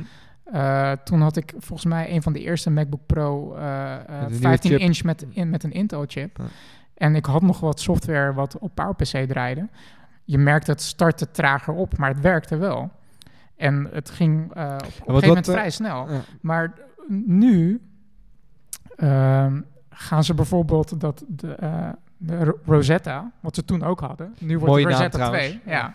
Rosetta Stone. Ja, precies. Dat is exact wat het doet natuurlijk. Gaan ze apps al vertalen eigenlijk tijdens de installatie vanuit de App Store of als je het ergens vandaan gehaald hebt. Als je, Op het zich voor- heel logisch is natuurlijk. van, als je de app voor het eerste keer... Ja, dat zeg je nu. Weet je, maar waarom deden ze het elf jaar geleden dan niet? Toen was het Ja. gewoon echt een live emulatie. Toen waren ze dom. Ja. nu gaan ze het gewoon al vertalen eh, voordat je de app, tijdens de installatie van de app. En dan Mhm. komt er, komen er soms misschien instructies nog binnen vanuit de software die ze nog niet tegen zijn gekomen tijdens de installatie. Die gaan ze dan on the fly vertalen. eigenlijk is het gewoon een emulator. Toch? Nou ja, als, als, als jij op je, op je computer eh, spelletjes wilt spelen voor de PlayStation, dan installeer je een emulator. Ja, ik weet niet, ja, ik weet niet hoe, hoe een emulator technisch werkt. Of Eens, dat een goede, goede vergelijking is. Maar het andere interessante wat eh, eh, nu gaande is, wat er elf jaar geleden niet was, is dat iedereen nu ook in Xcode programmeert. Dus het wordt ook veel makkelijker voor ontwikkelaars om hun software klaar te stomen voor eh, de Apple Silicon, wat, hoe ze het nu mysterieus noemen. Zou het ook een bijdrage hebben? Want op zich het aanbod aan eh, applicaties op de Mac is altijd iets achtergebleven op het aanbod eh, in, in Windows-programmatuur. Laten we eerlijk zijn. Ja, maar eh, eh, Zou dit niet kwaliteit boven kwantiteit, hè? Nee, eens, 100%. Maar goed, het is wel een van de eh Ja. koren op de molen van Windows-fans. Dat ze zeggen, ja, ik heb gewoon programmatuur, die is niet Ja. beschikbaar op. Ja, maar dus dat is een hartstikke valide punt. Ja. Maar uiteindelijk zijn er gewoon een aantal apps waar gebruikers in geïnteresseerd zijn. En ook wat jij net zei van, ja, don't worry, we got this. Meteen, ja, Microsoft is al bezig. Heel Ja. Office, die is als, eh, die komt eh, waarschijnlijk dag 1 naar Apple Silicon. Photoshop komt waarschijnlijk dag 1 naar, naar eh, Apple Silicon. Dus Maar ze Ik- weten gewoon heel dat- goed wie de userbase ja, is. ja, wat ik ze- denk dat het een hele smooth transitie gaat worden. Waar ik vooral benieuwd naar ben, ehm, is hoe ze dus de nieuwe Macs gaan marketen op snelheid. Want nu komt weer een interessant stuk eh, terug eigenlijk. Weer over het praten van herhaling van geschiedenis. Waar we de afgelopen elf jaar, laat ik zeggen, geen last meer van hebben gehad. Is dat je de gigahertz niet meer, st- straks niet meer met elkaar kan vergelijken. Hoe bedoel je dat? Ehm, voordat Apple op Intel was overgestapt, had dus Apple de PowerPC. Ah, ik snap wat je bedoelt. En ja. de, de PowerPC eh, had een, eh, een eh, RISC archi- architectuur. Eh, RISC staat voor Reduced Instruction Set Computer. Mhm. En ehm, Intel die gebruikt de CISC, noem ik, noem ik nou even, eh, instructieset, de Complex Instruction Set Computer. En dat zijn globaal even de twee instructiesets. Eh, hoe je de, de chipfamilies zou kunnen verdelen, Ja. zeg maar. En die hebben allebei zo hun voor- en nadelen. eh, wat Intel gebruikt, kom- stamt uit de jaren 70. En wat PowerPC en ARM dus ook gebruikt. ARM hebben we nog helemaal niet genoemd. Nee, dus ik moet precies. misschien wel even toelichten. Ja, ah. nou, ik kan het heel kort over hebben, maar misschien moet het niet. Nou goed, kijk wel.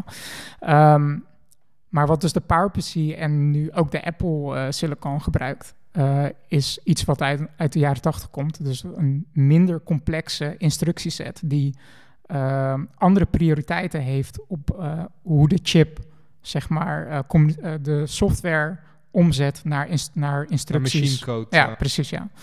ja. Om een lang verhaal kort te maken. ehm, we, als je naar een computer shopt bijvoorbeeld, dan Mhm. kijk je altijd van hoe snel is die? Is Ja. die eh 2,4 gigahertz of is die 2,8 gigahertz of 3 gigahertz? dat zegt iets over het aantal berekeningen. Dat zegt die- over ja. de aantal klokslagen die de, die de eh, eh, chip eh, per seconde maakt.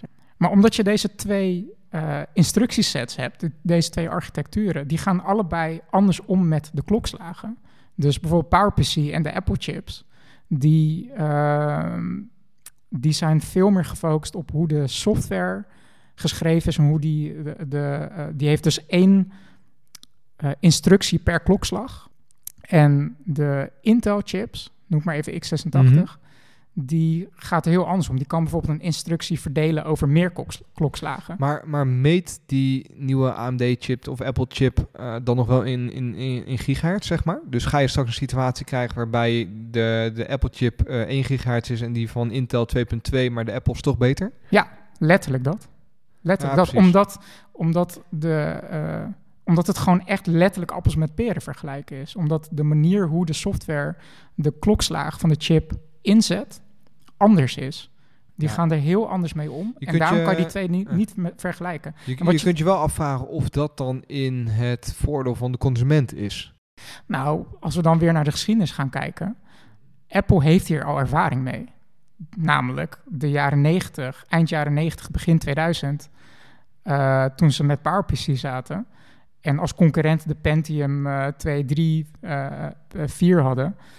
Wat ze toen deden, letterlijk op het podium, is een soort races laten zien van software. Super cool. Dan lieten ze dus bijvoorbeeld een, eh, een eh, PowerPC G3-chip zien van 500 megahertz. En een Pentium 3-chip van 1 gigahertz, het dubbele. Ja. En dan liet ze allebei eh, Photoshop layers ren- renderen. En dan liet ze zien van, kijk, onze chip van 500 megahertz is veel sneller klaar met de render van deze foto dan de Pentium 3, die 1 gigahertz is. En ze hadden zelfs, eh, ik, eh, ik was naar het filmpje aan het zoeken, maar ik kon het niet meer terugvinden. Maar ik kon me heel goed herinneren dat ze ook een keer een van de chip engineers op het podium hadden die een heel nerdy verhaal vertelde over eh, precies dit. Over dat de pijplijnen binnen de chip veel korter zijn in hun architectuur, waardoor ze dus veel sneller eh, bepaalde eh, taken konden afhandelen dan de, dan de veel complexere x86 eh, instructieset. Maar- Dat ging super ver. En zo, dus het, het zat in een volledige marketing om te laten zien dat let niet op de gigahertz of de megahertz doen. Onze chips zijn sneller, ondanks dat onze get- getallen lager zijn. Ja, nou, wa- wat ik me dan meer afvraag hè, is waarom je überhaupt... Want het, de- gigahertz wordt dan aangehouden als eh, soort van, van maatstaaf voor de snelheid van een chip. Ja. Ehm, die je niet kunt gebruiken als maatstaaf, omdat je zegt, nee, hè, op papier is die minder snel, maar hij is eigenlijk sneller. Nou, op Waarom zou je überhaupt gigahertz aanhouden Ja. dan? En niet zoeken Maar naar een nominale je, verdeler als bijvoorbeeld een Maar dan kom, je op, dan kom je op de oneerlijke strijdveld wat marketing heet. Want kijk bijvoorbeeld naar de camerawereld en de pixel wars. Ja, precies, maar waarom gaat Apple daar überhaupt in mee? Je hoeft niet te zeggen hoeveel gigahertz je chip is. Als het helemaal Nou, niks en, zegt. en, en, dat, en dat doen ze dus nu niet meer. En Op terecht. de, op de iPhone en de iPad, als je nu shopt naar een iPad, tussen de iPad 1, de normale iPad, de iPad Air of de iPad Pro, kijk je niet naar, oh deze, eh, de iPad Pro is eh, eh, dual core 3 gigahertz en de iPad Air die is 2,2 gigahertz. Of zelfs binnen een familie, kijk eh, bijvoorbeeld, je hebt niet een iPad Pro 2,2 en een iPad Pro 2,4. Wat je bij de MacBook Pro, bij de MacBook Pro en de MacBook Air wel hebt. Ja, precies. En dat is dan gek. De enige verschillen die je hebt in de iOS-ecosysteem, noem ik het maar, zijn de, is de opslag. Ja. Terwijl je bij de Mac keuze hebt uit kloksnelheid, opslag en werkgeheugen. Dus dat, ik ben heel nieuwsgierig hoe ze dat straks gaan doen bij de, eh, de Mac. Ik voorspel eigenlijk dat eh, van de families Mac Mini, MacBook Air, MacBook Pro, dat blijft voorlopig bestaan. Mhm. Maar het wordt gewoon de MacBook Pro, de A14 chip. Ik denk dat ze het ook een andere familie gaan geven. Ja, het zou Noem slim het- zijn. Ja. Weet ik veel. Noem het de, de Q14. En eh, welke, hoeveel opslag wil je hebben? 128, 256 of 512? Misschien Want- werkgeheugen kan je misschien ook kiezen. Maar de chip gaat, gaat vast zijn. Ik, ik dat, zou er dat, een is, fan van dat, zijn. dat ja. is een keuze minder. Ja. En dan wordt het heel interessant om te kijken hoe Apple dat dan gaat marketen. Ik denk dat, dat we weer teruggaan naar ehm, demo's van kijk hoe snel die in Final Cut rendert. Kijk hoe snel die dit of dit kan doen. Dat is de enige manier hoe ze het kunnen communiceren. En kijk hoe smooth alles beweegt. En dat je, eh, ik heb eh Ja, maar dat- eh, dat is 4K filmpjes Uiteindelijk waar het ook om draait Ja, natuurlijk. Want als eindgebruiker heb je er geen fluit aan dat jij 2 gigahertz meer hebt en dat die dus op papier sneller zou moeten zijn als jouw software niet geoptimaliseerd is. En Ja. dan heb je een duurdere laptop gekocht waar je helemaal geen profijt hebt van die snelheid. Dus het is Ja. veel logischer om die manier snelheid te tonen dan... eh, dat op een gegeven moment had je het met eh, plasma en LCD-tv's. En dan eh, de, de, hoe heet dat, het verschil tussen wit en zwart daartussen. Dat had dan een waarde. Eh, Mhm. Even de naam kwijt, maar goed. Had je bij LCD ging die waarde van, eh, van, van 1000, 2000. En dan kwam bij Ja. plasma had je waar 2 miljoen, 3 miljoen. Eh, Ja. Oké, ja. Het zegt op een gegeven moment zo niks meer. Het is echt een, een, een, een, een, een doodlopende race dan. Dus daar, daar ben ik wel... Als, als ze die kant op gaan, hè, dan zou dat wel... Ik, ik, ik kan me haast niet voorstellen dat ze, dat ze met kloksnelheden gaan gooien. Waar ik verder, wat nog een vraagteken wordt in de hardware, is hoe ze met grafische kaarten omgaan. Maken ze die nu zelf? Nee, hè? Nou, in de iPad en in de iPhone is, dat, is het eh, allemaal Is dat integrated. sok? Ja. Is, dat, is dat alles system on a chip? Alles zit op bepaalde cores. Ehm, ja, misschien heel nerdy, maar eh, OpenGL bijvoorbeeld is een eh, softwareplatform eh, voor graphics vooral, en voor, ja. voor 3D graphics en games en zo. Dat is deprecated. Daar, gaan ze niet, daar zijn ze niet meer verder aan het, eh, aan het ontwikkelen. En ze helemaal metal. Dat is echt de in-house eh, geproduceerde platform om eh, graphics mee te maken. Maar En- OpenGL was ook niet van Apple, hè? Nee, nee, dat was open source. En Ja. Metal wel. Klopt, ja, daarom. Dus je ziet ze, wel gaan- ze zijn, ze nu, ze zijn meer- nu in-house aan het gaan. Ja. En Metal is daarom dus ook weer volledig geïntegreerd in de GPU-cores die ze bouwen in hun eigen chips. Dus dat, die integratie is zo tight straks. Dat is echt... Ja, maar, bizar, we- maar- wij zijn allemaal zo opgegroeid met het idee dat een computer heeft twee componenten. Dat is een CPU en dat is een GPU. Ja, Iedereen die iets van ja computers maar dat heeft weet, heeft hij in feite nog steeds. weet dat. Maar, ja, Dat het wel een gek idee is dat je straks gewoon eh eh, een rete goede hardware hebt die werkt op een sok. Waarbij alles Mhm. op één chip zit. Dat is wel even wennen. Eh, ja maar ik, ik ben dus benieuwd. eh, op een gegeven moment, als je naar de higher-end 16-inch MacBook Pro's gaat Mhm. en de Mac Pro zelf, hoe, hoe, hoe gaaf ik Apple ook vind, ik geloof niet dat zij met een system-on-a-chip systeem, een, eh, een eh, wat is het, een AMD eh, Vega 8 gig videogeheugen Nee, kaart kunnen rivalen met zo'n chip. nee precies. Dus Ja. dat wordt interessant om. Ja, helemaal Om als je al je software daar wel op gaat optimaliseren. ja. Nice. Misschien om dit stuk, eh, Apple-stuk. eh, ehm, Ja, we zijn alweer heel lang over Apple Ja. bezig. Ja, maar het is wel leuk. een Ik wil nog één ding, en het staat niet in de show notes, en dat verbaasde mij enigszins, maar dat is een nieuwe serie die ze hebben aangekondigd. Foundation. Ja, je had hem niet in de show notes gezet, maar ik dacht, Nee. we moeten het toch even benoemen. Ja, ik, Dat ik is wel ben, vet, hè? Ik ben groot fan van dat boek van eh, Isaac Je Asimov. hebt hem gelezen ook? Ja, ik heb nog niet, ik heb niet de hele serie gelezen. Nee. Dus ik, zou, ik moet wel zeggen, toen ik de tra- ik zag eerst de titel Foundation, Isaac Asimov. Toen dacht ik van, oh man, dat vind ik zo'n vet verhaal. Ja. En toen zag ik de beelden en toen dacht ik van, oh, dit wordt echt mega Hollywood. Het is, het Dus, is eh, eigenlijk ja. kunnen ze het alleen maar fout gaan doen. Hè? Dat, dat boek heeft zo'n legendarische status, dat Ja. moet je eigenlijk niet willen verfilmen. Of je moet heel zeker van je zaak zijn dat het echt... Ik Echt ben, heel goed is. Ik ben bang dat ze een hele flashy, heel mooi CGI-serie gaan maken, wat niet de soort van bijna filosofische implicaties en spanning wat Isaac Asimov in het boek probeert te vertellen. Eh, Isaac dat dat- Asimov even, want we gaan nu vanuit dat iedereen hem kent. Dat is een van de, van de grotere sci-fi writers of sci-fi schrijvers. Onder andere writers. Onder andere bekend van eh, iRobot. eh, de, de- die Mhm. verfilmd is met The Will Three Smith. Laws of Robotics. Precies. En hij heeft een aantal dingen bedacht, waaronder de Three Laws of Robotics. waar heel veel, daar kun je helemaal los op gaan. Mijn favoriete short story van hem is The Last Question. Er is een hele, volgens mij als je dat ook op YouTube opzoekt, is daar ook een hele toffe audioversie van, van iemand die het voorleest. Het is echt een aanrader. The. Last Question, Ja. Isaac Asimov. Dus dat, maar goed, hij heeft een boek geschreven. En dat gaat nu verfilmd worden door Apple op Apple eh, TV. Volgens mij komt het ergens volgend Plus. jaar pas. Hè. Ze moet ik gaan betalen, want ik heb maar een jaar. Apple. Ik heb Apple nu ook TV een jaar Plus. trouwens. Ja? Ja. Wat heb je gekocht? Niks, maar Oh. volgens mij heeft iemand in mijn gezin heeft iets gekocht. Oh, je hebt Eh, family sharing. Ja, Oh, en dat werkt gewoon. de- ik kreeg ineens een berichtje dat ik eh, Apple. TV Plus had. Dus oké, flex. dus ik kan nu een jaar gratis kijken. Ik, ik heb nog niks gekeken, maar... Ja. Ja, dat vind ik kut, jongen. Ik heb een, een, een tv en daar is wel support over aangekondigd, een LG. Ja. Dus al vier, vijf maanden geleden riep ze al van... eh, Apple TV Plus komt als app komt naar je tv. Ja. En eh, eh, nou, even geduld. Het is er nog steeds niet. Eh, Die, die afhankelijke... Of die afhankelijkheid die je dan hebt van een softwareontwikkelaar, daar word ik af en toe wel moe van. De- God. Ja, dat is toch altijd met die smart TV's. Toch? die dat, app dat de software eh, eh, onderhoud bar slecht is van die dingen. Nou ja, ik heb de C8-versie van een tv. En de C9-versie heeft het wel. Daar is die ook Hmm. voor uit. De C8-versie zou er naartoe komen.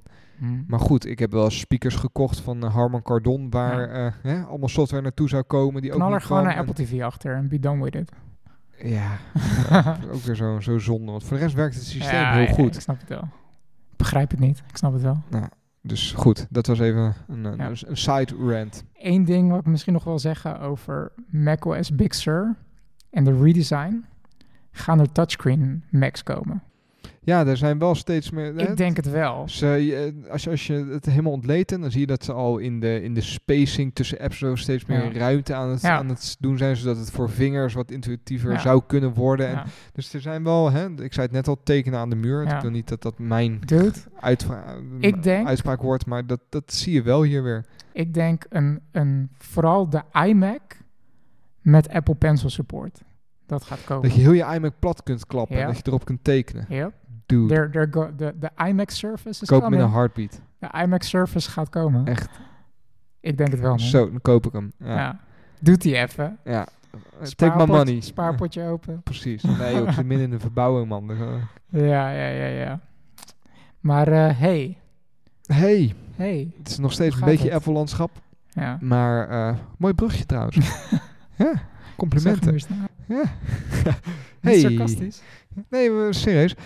Ehm, ja, heb je dat een beetje meegekregen? De Hey-app? Ja, ik heb het eh, in de show notes gezet. Ik heb het al Oh meegekregen. ja, precies. Ja, jij hebt het in de... Nee, ik had het ook Maar al, jij had het al gelezen, ja. Ja, ehm, ik, ik... Nou goed, ik, ik zal je vertellen hoe dat bij mij een beetje ging. Hè. Dus Misschien even introduceren even wat het, Ja, het de, onderwerp de is. Hey-app is een e-mail client app die eh, ik heb voor de rest helemaal niet ingelezen in wat het kan en waarom het zo goed is. jij wel, dus daar kan jij meer van vertellen. Ja. Vond ik niet interessant in deze Komt zo. discussie. Wat ik interessanter vond was eh, dat de update van de Hey-app geweigerd werd in de, het Apple Mhm. iOS ecosysteem. Ja. Eh, s- Het was de update, hè, want hij zat er eigenlijk al in. En het was een soort van, hij was approved. En toen kwam er een update. Ja. En toen zat iemand bij Apple Wel eh, review van, van Ja. hé, hey, maar dit willen we eigenlijk niet. En toen werd het opeens eruit gekikt. Nee. Zo was het. Dus ik, ongeveer. en ik, ik, het zette mij, weet je, het ging, ik neem je mee in mijn proces. dat is ja, misschien mooi. ja, ja, ja. Dus ik las dat en eh, nou goed, in eerste instantie denk ik, dat vind ik wel weer, weer typisch. Hè? Dus Apple die, die, die wil per se 30% hebben van de opbrengsten van die Ja, app. ja. En, eh, want dat is op zich vrij hoog. eh, als, als, Ja. Nou goed, weet ik eigenlijk niet, maar dat, dat schijnt hoog te zijn. 30% van, je, van, van al, Ik je, vind dat best veel, ja. al je inkomsten voor een betalingsplatform. Dat is eigenlijk wat ze dan voor je leveren. Ehm, en waar was ik? Ja, dus dat, dat vind ik best wel heftig. Want dat zat dus niet in die app. Wat niet in de Hey-app zat, was de mogelijkheid om direct een account aan te maken. Mocht je een account willen, dan moet je naar de website van Hey. Daar moet je 100 euro betalen om een jaar lidmaatschap te hebben. Dan kun je terug naar je app gaan en kun je inloggen in die app. Mhm. En dat is de reden dat hij geweigerd is. Nou, in eerste instantie outrage, all over the place. En Mhm. ik ook, eh, ja, het is toch wel heftig. Dat vind ik wel bizar dat ze, dat ze zich op die manier zichzelf erin manoeuvreren om toch 30% mee te pikken. Mhm. Toen ben ik er, hè, dus dat, dat suddert dan lekker een beetje. Ben Ja. ook wat over gaan lezen. En ik weet niet waarom ik dat doe, maar ik lees ook altijd heel veel reacties. En volgens mij heel veel mensen doen dat. is eigenlijk super nutteloos. Ja. Alsof er ineens experts in de reacties Ja. sectie zitten, maar goed. Ehm, en, en toen shifte mijn mening wel een beetje daarin. Oh jee. Ehm, They got you, man. They got to you. precies. Want Ja. de reden die Apple geeft voor het weigeren van deze app is dat ze zeggen, nou, wij hebben een ecosysteem gecreëerd rondom die, die iOS-devices. En Mhm. daarin willen we de optimale gebruikerservaring willen we kunnen leveren. Ja. En dat bewaken wij heel streng middels die App Store. En eh, wij vinden dat als je een app installeert, dat je als gebruiker gelijk iets met die app moet kunnen. Mhm. Ehm, dus je moet een mogelijkheid hebben om je gewoon gelijk in te schrijven. Het mag en-en zijn, hè? dus je mag ook op je website alsnog abonnementen verkopen. En dan pakken wij niet 30%, dan kunnen mensen wel inloggen in die app. Mhm. Maar we willen, eh, en niet omdat wij zelf zo graag dat geld willen hebben, die 30%, maar wij willen eh, voor onze gebruikers ook dat ze, mochten ze dat willen, binnen drie seconden app kunnen installeren, Mhm. account kunnen aanmaken, live kunnen. Mhm. Valt dat voor te zeggen? En als je op die manier over nadenkt, dan, dan is dat ook wel noemenswaardig. Komen er gelijk, hè? Dus ik dacht, nou, daar hebben ze op zich wel een punt. Maar de tegenargument, ja, Mhm. hoe zit dat dan met Netflix? Hè? Mhm. Dus als je Netflix installeert, dan kun je niet via, de, via iPad een account aanmaken.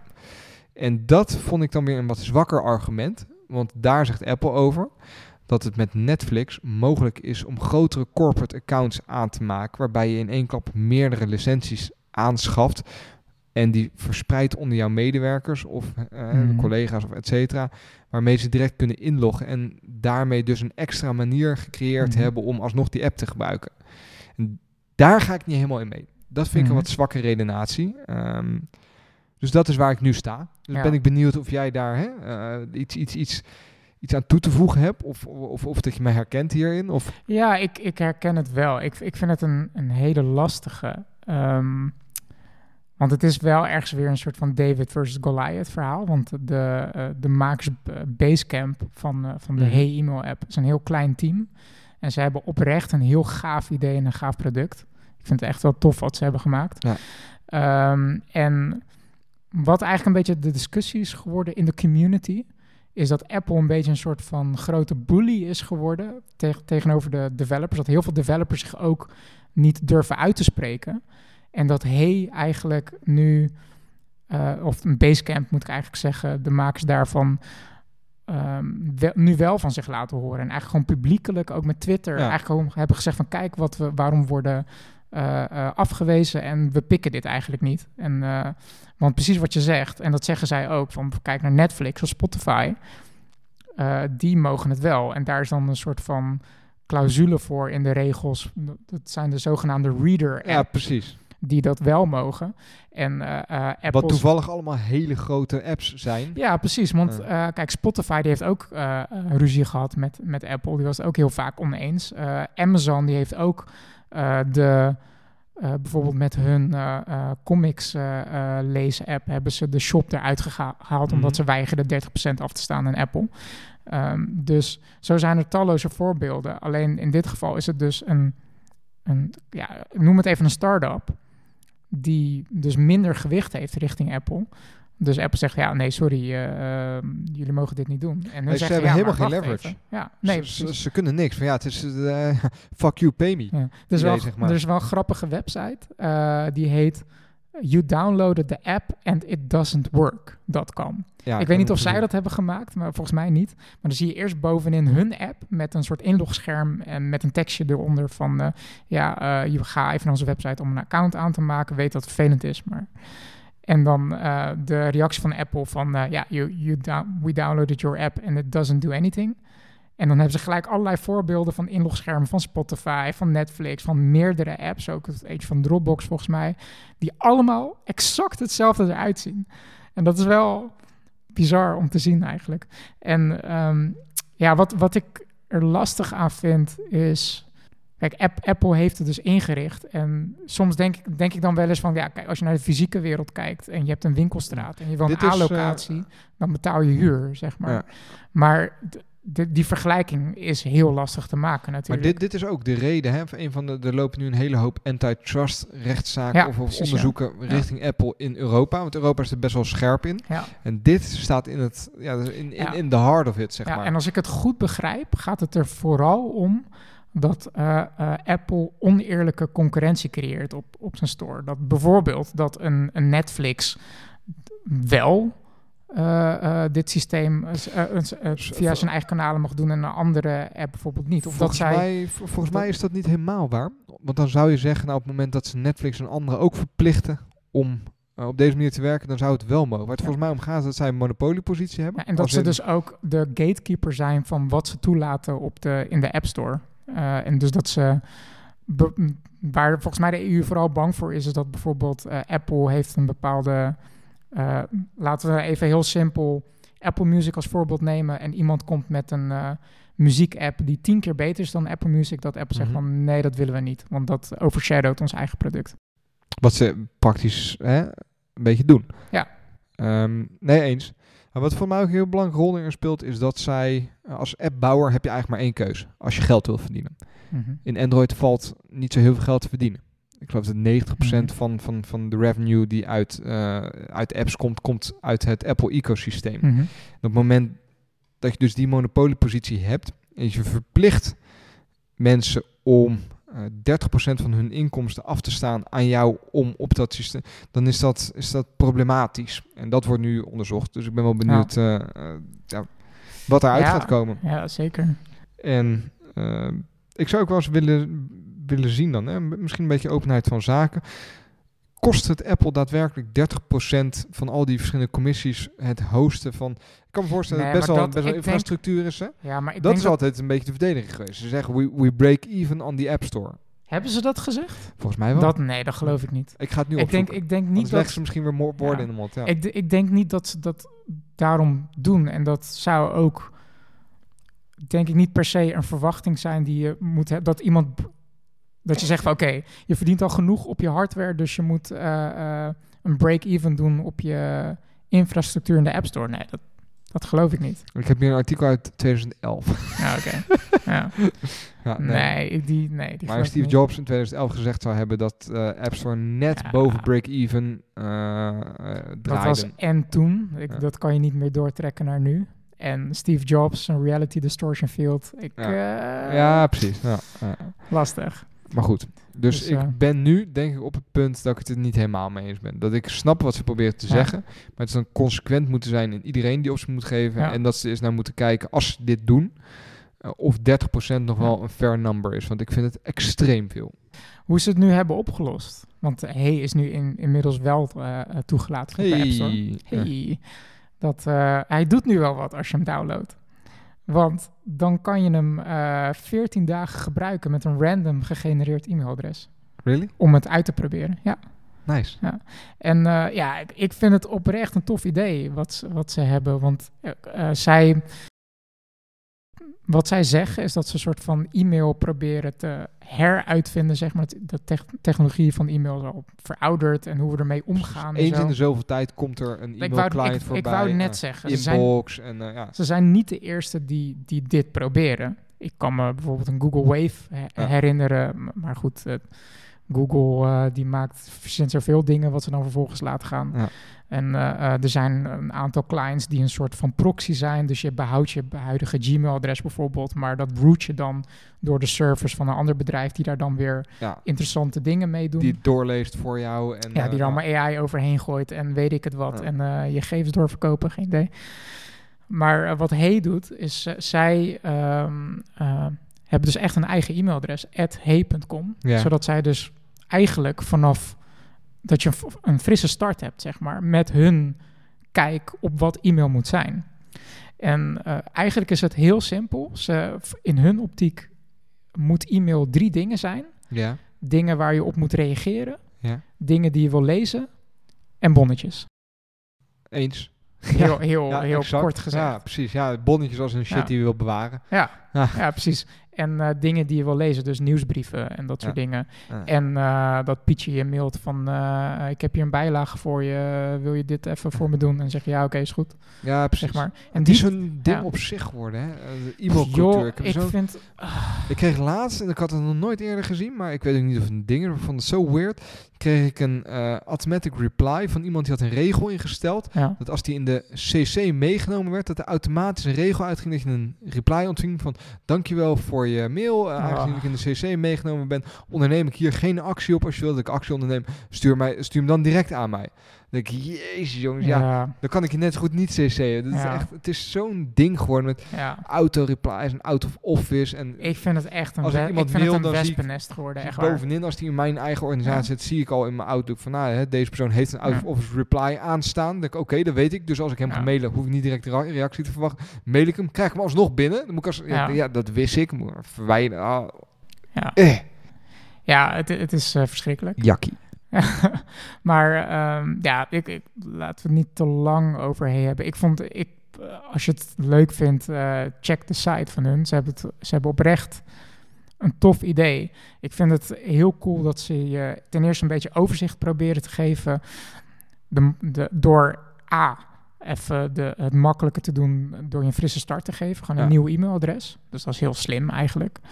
Eh, B, ze proberen je vooraf zoveel mogelijk handvatten te geven om het meteen een goede plek eh, te geven. Dus als iemand jou voor het eerst mailt, geef je hem thumbs up of thumbs down van oké, dit, dit hier, deze persoon laat ik toe tot mijn Ja. e-mailbox, deze persoon niet. Oh, ideaal. Ehm, ze proberen het heel slim alles eh, te, te groeperen. eh, ehm, threads, dus ook als iemand niet replied, maar je een los mailtje stuurt, probeer ze daar intelligentie in te bouwen om het toch bij elkaar te houden. Ehm, als we dan bij punt 1 de things you want to respond to, de dingen waar je op wil reageren, geef je de keuze van ehm, wil je er nu op reageren of later. Als je later kiest, dan eh, komt die eh, onderaan het scherm te staan. Het is altijd nog in zicht van joh, deze moet nog staan. reageren. Ja. Ja. Eh, dan doen ze ehm, eh, dingen die je wil lezen, houden ze apart. Nieuwsbrieven, dat, is, dat, dat noemen ze de feed. Dat is eigenlijk gewoon een soort van RSS-reader van dingen die je gewoon, eh, Nou, waar je precies. doorheen kan scrollen. En eh dingetjes als bonnetjes en factuurtjes, die eh, filteren ze er ook uit. Dat zit ergens in een archief. Als je dat ooit nodig hebt, dan Ja, kan je het wel terugvinden. Shit, die moet je hebben, maar Ja. die wil je niet weten Ja. dat je het hebt. Super slim. En wat ik heel gaaf vind, is dat ze, hun hele motto is, is dat zij dat jij de baas bent over jouw inbox. En dan denk je van, ja, dat is logisch. Maar totdat ze je dingen laat zien waarvan je denkt van, wow, dat, daar heb ik nooit bij stilgestaan. Bijvoorbeeld dat jij de controle hebt om het onderwerp van mailtjes te veranderen. Dus als iemand te lui is om een onderwerp in, de, in het mailtje te zetten en jou dus een blanco Ja. onderwerp mail stuurt of zo, kan jij hem alsnog invullen tot iets wat voor jou sens maakt. Of als iemand een slechte onderwerp schrijft. Dat is zo slim. Waarvan Zal, ik zal denk ik je van, vertellen dat dat in Outlook kan? ja, maar dat is dus het ding van Outlook, Mhm. die kan mega veel. Outlook heeft zo'n eh, ehm, ontwikkel eh, community om zich heen. Er zijn zoveel macro's te vinden en add-ons en zo. Maar dat is gelijk zo nerdy. En zij hebben gewoon het helemaal gecurate tot hele goede eh, ideeën. Mhm. En het heel compact gemaakt, zeg maar. Ik zit En, nu te en, dat testen. is de, en, dat is met, en dat is meteen het, het voor- en nadeel. Dat eh, de e-mail-client hey, heeft nog geen ontwikkelcommunity om zich heen, wat Outlook wel heeft. ja. Maar wat ik gaaf vind, is dat Hey wel hele, echt bijna Apple-stijl, gewoon hele duidelijke standpunten en keuzes heeft. En dat waardeer ik enorm. Het- is niet zo cluttered, zeg maar. Het is, eh, Precies. ja, ja, precies. Nice. Ik Dus weet dat. even geen bruggetje. Weet je nog zo'n briljant bruggetje van jou? Of, eh, Nee, nee. rijmt op Hey. Wat? Nee, ruimte op heen. Ja, precies. Ja. Ehm, ik kwam nog wat tegen. Ik heb het niet in de show notes gezet. Ik wil het toch even kort noemen. En dat is dat, eh, en ik ben er altijd wel fan van, maar Cards Against Humanity, die heeft nu een nieuwe versie speciaal ontwikkeld voor kinderen. Die, Wat? waarin de ergste woorden eh, shit en boobies zijn, zeg maar. Oh, volgens wauw. eigen FHQ. En die is nu tijdens de coronacrisis gratis te downloaden. Eh kun je printen op kaart Ja, en gelijk zeggen. spelen. Maar dat kon dat niet sowieso met cards. Nee. Nee, wat ik wel grappig vind dan, is dat het wel... eh, op het moment dat je het downloadt, dan krijg je een akkoordbox van... eh, als ik dit download, ga ik ermee akkoord dat ik alleen maar naar buiten ga voor hoogst noodzakelijke dingen. Check, accepteer. Vet. Dan komt er een volgende van... Ik accepteer niet te luisteren naar een president, hoe dom die ook is. Check, en een stuk of drie, vier van dat soort dingen. Nou, dat vind, ik- vind ik wel lekker. Ja, Dus, dat is wel leuk. Ja. Check het uit, kijk er eens naar. Dat Nice. vond ik. Hey, eh, zullen we afsluiten? Zullen we het gewoon doen? Lieve luisteraars, bedankt voor het luisteren. Vond je het tof wat je gehoord hebt? Deel het dan ook eens met je vrienden. eh, of overweeg Patreon te worden. Dat kan op onze website. Patreon. Patreon. Deze is het Patreon. Patreon is het vanaf nu. Eh, dat kan op onze website zeepkast.nl. Daar kun je ook gelijk een linkje vinden naar ons Slack-kanaal. Als je iets te melden hebt, eh, kom eens even hangen. En dan rest mij niks dan eh, jou te bedanken, David. Jij ook bedankt, Sander. Lieve luisteraars, live long en prosper. Ciao.